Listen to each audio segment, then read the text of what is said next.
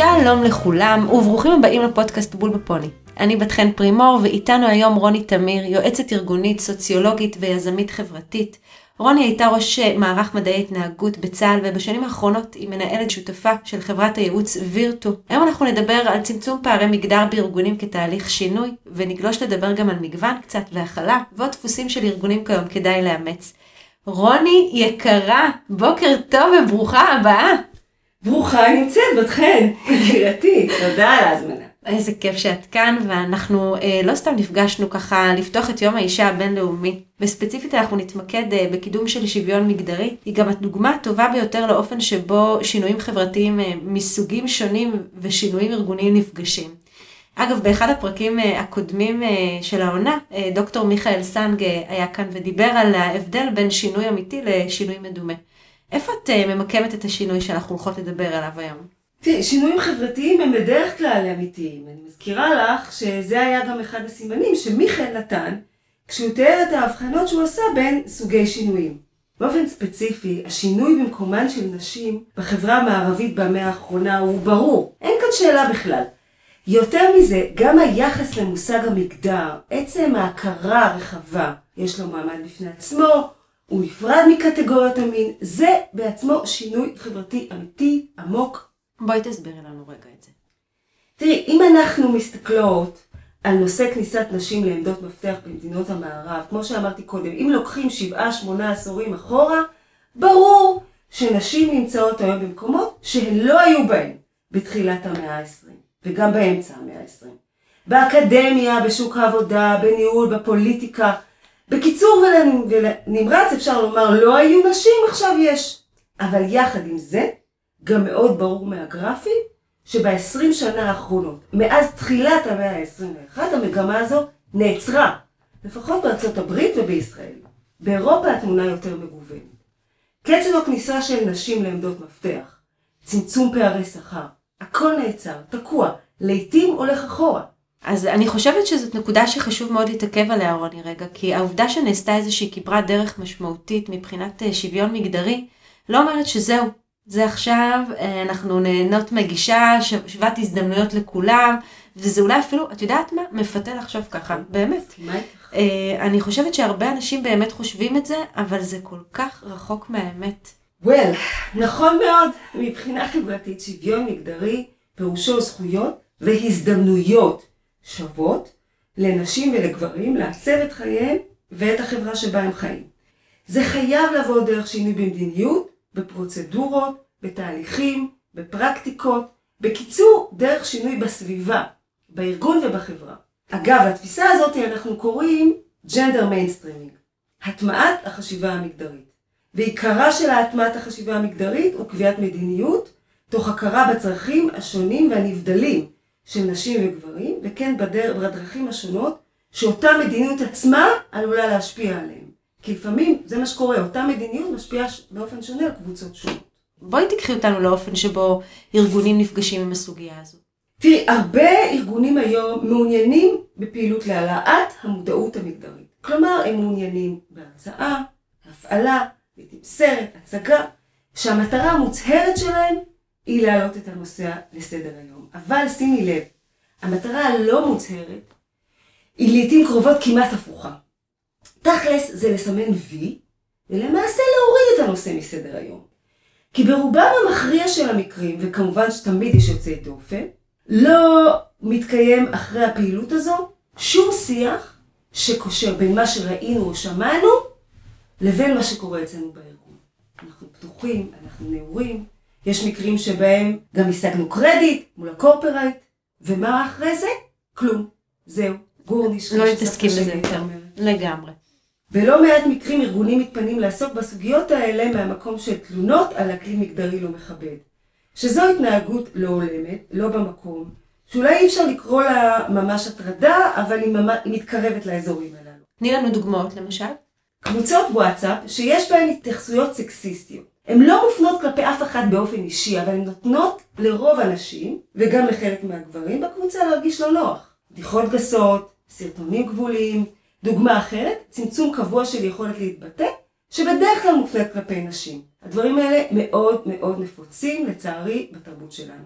את יודעת, אני בדיוק קראתי לא מזמן מחקר, אה, והוא הראה שבעוד ש-80% מהגברים חשו שמקום העבודה שלהם מעצים נשים ונותן להם את המקום אה, לבוא ולמצות את הפוטנציאל שלהם, רק 36% מהנשים חשו את אותו דבר. אחוזים דומים אגב התייחסו לתחושה שהקריטריונים לקידום הם שווים גם לגברים וגם לנשים. מן הסתם הרוב המוחץ של הגברים חשו שהקריטריונים הם שווים, לעומת רק מיעוט ממש קטן של הנשים. ואת יודעת, אני מסתכלת על הנתונים האלה ואני חושבת שככה בדיוק נראה עיוורון. נקודת העיוורון שלנו ביחס לחוסר שוויון פשוט זזה. פעם חוסר השוויון היה יותר נוכח, הוא היה יותר ברובד התרבותי, הגלוי, והוא היה ממש חלק מהשיח. היום כבר זה לא לגיטימי ולא חוקי, ולכן הרובד שבו אי שוויון מתקיים הוא הרבה יותר סמוי. אני אפילו אגיד שקוף במובן מסוים שהוא חלק מהמבנה החברתי והארגוני, וקיימים אפילו מנגנונים ארגוניים שמדירים נשים ויש להם ממש נטייה להיות כאמור שקופים ולהרגיש אפילו אה, טבעיים בתוך הארגון. למה בעצם ארגונים נמנעים מליזום ולהוביל שינויים עמוקים בתחום המגדר? אחד זה אה, הסבר מבית מדרשה של הסוציולוגיה הביקורתית, שהיא תגיד לנו שיש כאן סיפור קלאסי של יחסי כוח. יש קבוצה שלטת, גברים, שיש להם עמדות כוח, ושעולם העבודה נבנה על פי צרכיהם ולנוחותם. עכשיו, זה לא עניין של קונספירציה בתכנים, זה פשוט קרה ככה כי הם היו שם לבנות את העולם סביבם. הם היו בחדר שקיבלו את ההחלטות. אז לארגונים כאלה אין, וגם לא תהיה סיבה להשתנות, לפחות לפי התיאוריה הזו. יש להם את כל הסיבות לשמור על עצמם מפני שינוי מגדרי, ולפיכך שינוי כזה יעשה בכלל, רק בסוג של כפייה. רגולטיבית מבחוץ, או תביעה של עובדות שתבוא מבפנים ותהיה מספיק משמעותית להתחשב בה. את יודעת, רוני, מה שאת מתארת כאן, בעיניי יכול להיות מאוד בעייתי, גם בלי זדון או יד מכוונת. כאמור, בסוף האופי השקוף של uh, מבנה כוח, uh, משמעו בסוף שחוסר מודעות לבדו uh, מספיק לנו כדי ליצור ולתחזק הסדרים לאי שוויוניות.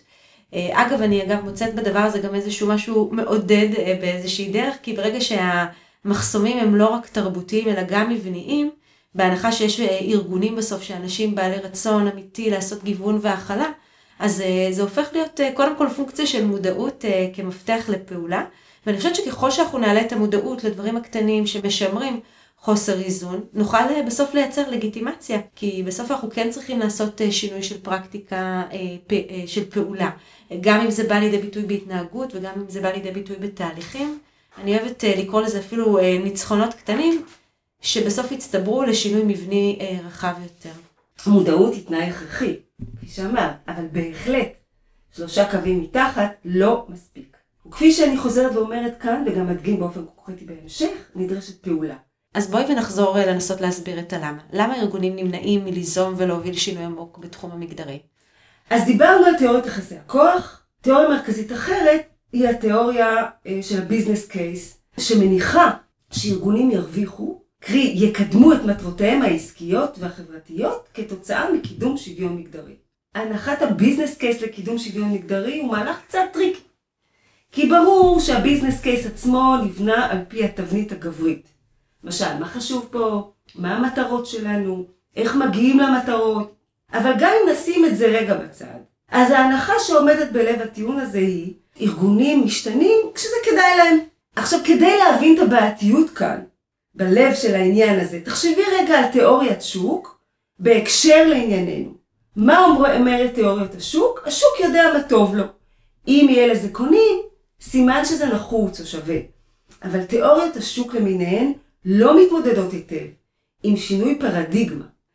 תחשבי למשל על מוצרי מחזור בתחילת דרכם. מי רצה לקנות אותם? איזה שוק היה לזה?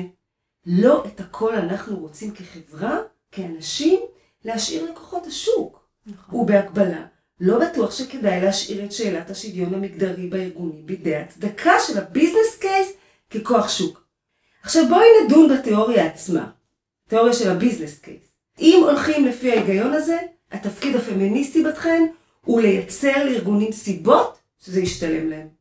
להראות להם מחקרים שדרכם הם יווכחו שנשים תורמות לקידום המטרות העסקיות שלהם. וגם ללחוץ עליהם דרך הרגולציה, ואז הם יצטרכו להוכיח עשייה כדי לקבל את אותה לגיטימציה חברתית, וזה בתנאי שהם צריכים אכן להוכיח עשייה של ממש, ולא רק פעילות להעלאת מודעות. אני מודה, רוני, שקצת קשה לי עם ההסבר הזה. אגב, לא בגלל הרציונל שלו, אלא כי אני חושבת שבימינו זה כבר די אה, ידע מקובל שצוותים מגוונים בסוף, הם מראים יותר ביצועים טובים, יותר מצוותים הומוגניים. אה, אגב, מרמת ההנהגה של אה, מדיניות, דרך אה, דירקטוריונים של חברות ועד צוותי עובדים, אני חושבת שזה פשוט לא הבנה מספיק חשובה כדי לדחוף ארגונים בכיוון הזה ולשנות את הסטטוס קוו הזה. נכון, זה מסתדר גם עם מה שאנחנו רואות בשטח, שכרגע תיאוריית ביזנס קייס לא כל כך מוכיחה את עצמה. היא לא מייצרת מוטיבציה פנימית לשינוי so far, הוא לא מספיק. אבל צריך גם לזכור עוד חסם של ארגונים מפני עשייה פרואקטיבית לקידום שוויון מגדרי. לא פעם עצם העיסוק בנושאים מגדריים בארגון מרגיש כמו משחק בתפוח אדמה לוהט.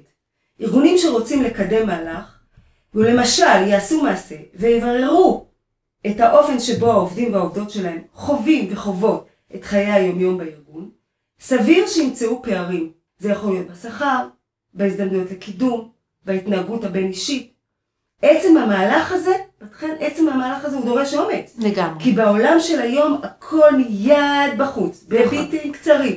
במילים אחרות, מהלך כזה שהוא הכרחי במטרה לקדם שוויון מגדרי, כי הוא חושף את נקודות אי השוויון והעיוורון, כמו שאת אמרת. מהלך כזה עלול לא רק לערער את יחסי הכוח שמנהלים נהנים מהם, הוא כביכול עלול לקלקל ארגון, לפגוע בשמו הטוב, כלפי פנים, כלפי חוץ, להכעיס, חברי הנהלה, בעלי מניות. וגם אם המהלך הזה לא עושה את זה, וזה תחשיבי טוב בתכן, כי זה בכלל טוויסט בעלילה, גם אם הוא לא עושה את זה, מנהלים ומנהלות מאוימים מהמהלך הזה של חתירה לשוויון מגדרי, רק בגלל שהם חושבים, שהם מדמיינים, שהוא עלול לסבך אותם. והאיום הזה כשלעצמו, תמרור אזהרה מבחינתם, לא להיכנס לאזורים הללו. אני מאוד מתחברת לאמירה הנחרצת שנתת לנו כאן, ואני חושבת שיש פה עוד משהו מאוד מרתק בעיניי.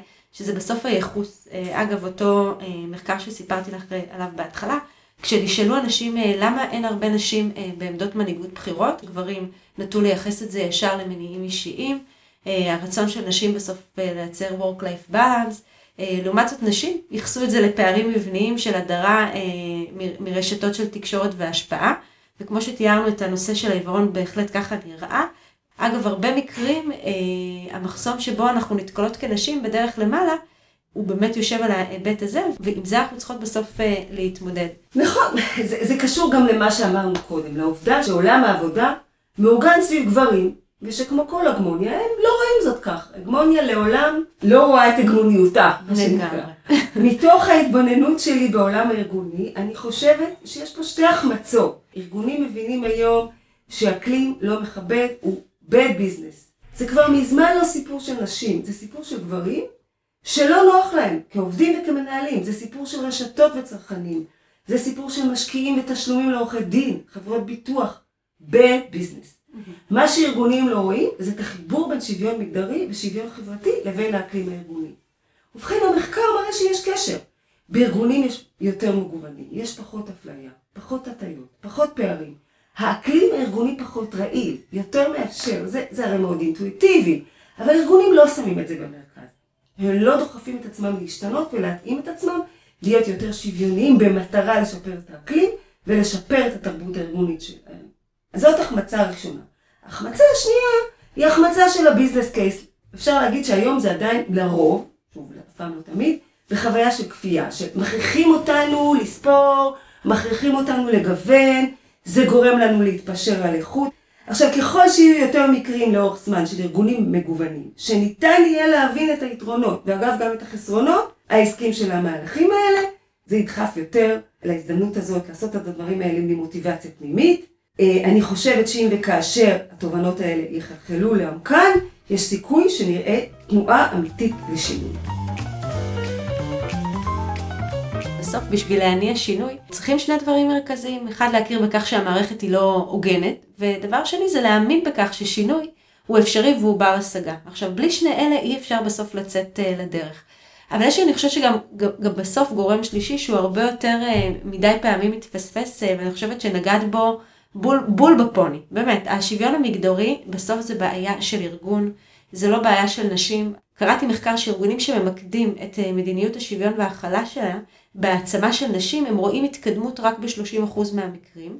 לעומת זאת ארגונים שמערבים גברים באופן פעיל בתוכנית הזאת, הם רואים ממש צמיחה ענקית של 96% שרואים בזה התקדמות. אני חושבת שזה הבדל עצום שנשען בעיקר על הפיכתם של הגברים בארגון לבעלי ברית, שבסוף ניגשים להתמודד עם הסוגיה הזאת של גיוון והכלה מגדרית. אגב, אני יכולה להגיד גם בארגון שאני עובדת בו היום, שזה הפך להיות שיח ניהולי בכיר ולא רק עיסוק נשי בזה.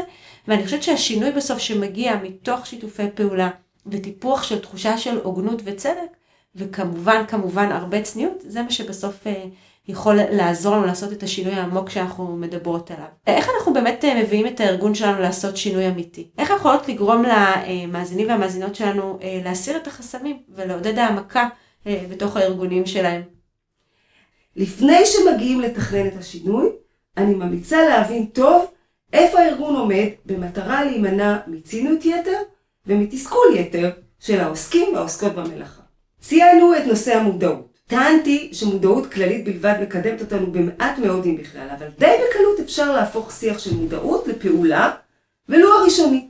אם הארגון מוכן ללכת עוד צעד ולשאול מה זה אומר עליי כארגון, הרווחנו המון. הרווחנו במיידי, כי יכול להיות שיעלו דברים שאפשר יהיה לעשות איתם משהו. הרווחנו ברמה של הבנת התהליך, כי כבר הבנו שאפשר לצעוד את הצעד הראשון, ואפשר להתחיל לתכנן הלאה. בנוסף, אני ממליצה להבין ככל האפשר את החששות והעכבות שמלווים את הצוות הניהולי, כדי להצליח להתייחס אליהם, לתת מענה בחלק מהמקרים, להתמודד עם התנגדויות. הנחת העבודה צריכה תמיד להיות שיש חששות, נכון. ויש אי נחת. וכמובן גם ציניות, יש בזה בכל שינוי ארגוני, ובטח בשינוי ארגוני מגדרי. השלב הבא הוא מאוד מרכזי, ובו צריך ללמד את הארגון לזהות פרקטיקות מדירות. מה זה פרקטיקה מדירה? זו פרקטיקה שגורמת למי מהעובדים או העובדות להישאר בחוץ. ברמת הפרט, התנהגות, ברמת הארגון, מנגנון. מנהלת משאבי אנוש, ישראלית, יהודייה, בקורפרייט בינלאומי, שמוזמנת למפגש מקצועי חשוב ביום כיפור. היא אומרת שזה יום לא אפשרי מבחינתה, ולא מקבלת מענה. את לא יכולה? אל תבואי. אותו דבר אימא, שמקבלת הזמנה לדיון בשבע בבוקר. היא לא צריכה להגיד כלום בתחילה. רוב הסיכוי שזה בין לא נוח לה ללא נוח לה מאוד. גם אם היא תגיע לדיון וגם אם לא. זו פרקטיקה מדירה, ומבחינת גברים המחויבים למשפחתם, זו פרקטיקה מדירה בדיוק באותה מידה, כן? שלא תהיינה טעויות.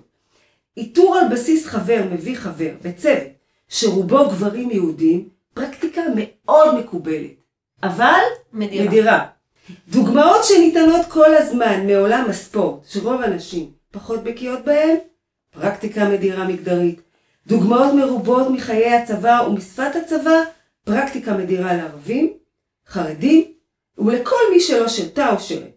בניית מרכיבי השכר כך ששעות הנוספות מהוות את הנתח המשמעותי בשכר, פרקטיקה סופר מדירה עבור כל מי שלא יכול או לא יכולה להתפנות לשעות נוספות. הדגש כאן על העוצמה, על השכיחות של הפרקטיקה, שהם ההופכים את החיים הלא נוחים, הלא מזמינים, למי שמרגישה או מרגיש בחוץ, או חמור מזה, לא יכולה להתאים את עצמה לדרישות. אז הרעיון הוא ללמוד לזהות פרקטיקות מגדריות מדירות בארגון הספציפי שלי. עכשיו תאמיני לי, בתכן פה, באמת זה, תמיד יש. תמיד זה מתחיל מאצלנו אין, אבל תמיד יש. במשרד הממשלתי, בצבא, במועצה המקומית, בחברת ההייטק, תמיד יש. החוכמה היא לזהות אותן, להפוך אותן ליעד, ממש להפוך את זה לחלק מתוכנית העבודה. אחת לרבעון, אחת לשנה, יגיד איזה פרקטיקות מדירות אני רוצה לטפל בהן עכשיו ואיך אני הולך לעשות את זה. בשנה שעברה שני חוקרים נהדרים מהרווארד פרסמו ספר שנקרא כוס חצי שבורה, שעוסק בהחלט בניפוץ של החסמים שעדיין אה, ככה מעכבים נשים אה, בעולם העבודה. אני מאוד מאוד התחברתי לרעיון המארגן שהם הציגו בו בספר, שהם דיברו על זה שאם בקומת הכניסה של ארגונים אנחנו רואים תמונה מאוזנת, אבל ככל שאנחנו עולים בהיררכיה יש פחות ופחות איזון בעמדות הבחירות, סימן שיש דפוסים של הטיה והדרה שמתרחשים בכל אחד מהשלבים שהם בדרך. לכן אם אנחנו מתמקדות ככה בנפרד בכל שלב ושלב, אנחנו יכולות להבין בסוף מהו הגורם שמביא את הגדלת חוסר האיזון הזה, ואז הם מציעים איך לפעול אה, בהתאם. אני חושבת שזה שהם עשו את המודל ודיברו על התחנות, לי עשה סדר להבין באמת איפה זה יכול לפגוש כל ארגון, ואנחנו ראינו שסך הכל הם מזהים שם אה, שבעה שלבים אה, שצריך להתמקד בהם. אני אדבר פה רק על כמה בודדים, אז הם דיברו מהחלק הראשון של משיכת המועמדים, כמו שדיברת למשל החבר מביא חבר. אה, יש המון הטיות, לא רק נגד נשים אגב, דיברת על זה גם בדרך הטובה שלנו אגב, להתמודד עם הטיות בתהליך הגיוס, היא פשוט אה, לגוון את המראיינים למשל. אה, ובנוסף, ככל שההגדרה של הקריטריונים לבחירת תפקידים הם ברורים יותר, ככה אפשר לצמצם יותר הטיות. כשאנחנו מסתכלים על נקודה של פיתוח עובדים, הנה משהו ככה לשים לב אליו, למי נותנים להוביל פרויקטים חשובים יותר. יש נטייה מובהקת לתת כאלה לגברים, כולל הענקת חניכה. תמיכה ונראות, אה, מה שמחזק בסוף אה, את הקורות החיים שלהם ונותן להם אה, יתרון על פני נשים בקידום, כאשר לנשים ולגברים אין בסוף הזדמנות שווה לזרוח ולצמוח, והעבודה עצמה הופכת לממוגדרת יותר, כאשר פרויקטים ותפקידים בעלי מעמד נמוך יותר נתפסים כנשים. והדבר האחרון שמאוד התחברתי אליו במודל שהם הציעו, זה בכל ההיבט של הניהול תגמולים וקידומים. הם מצאו הטיות מגדריות שקשורות למשל לקידום העצמי, למשל משא ומתן על השכר וכדומה.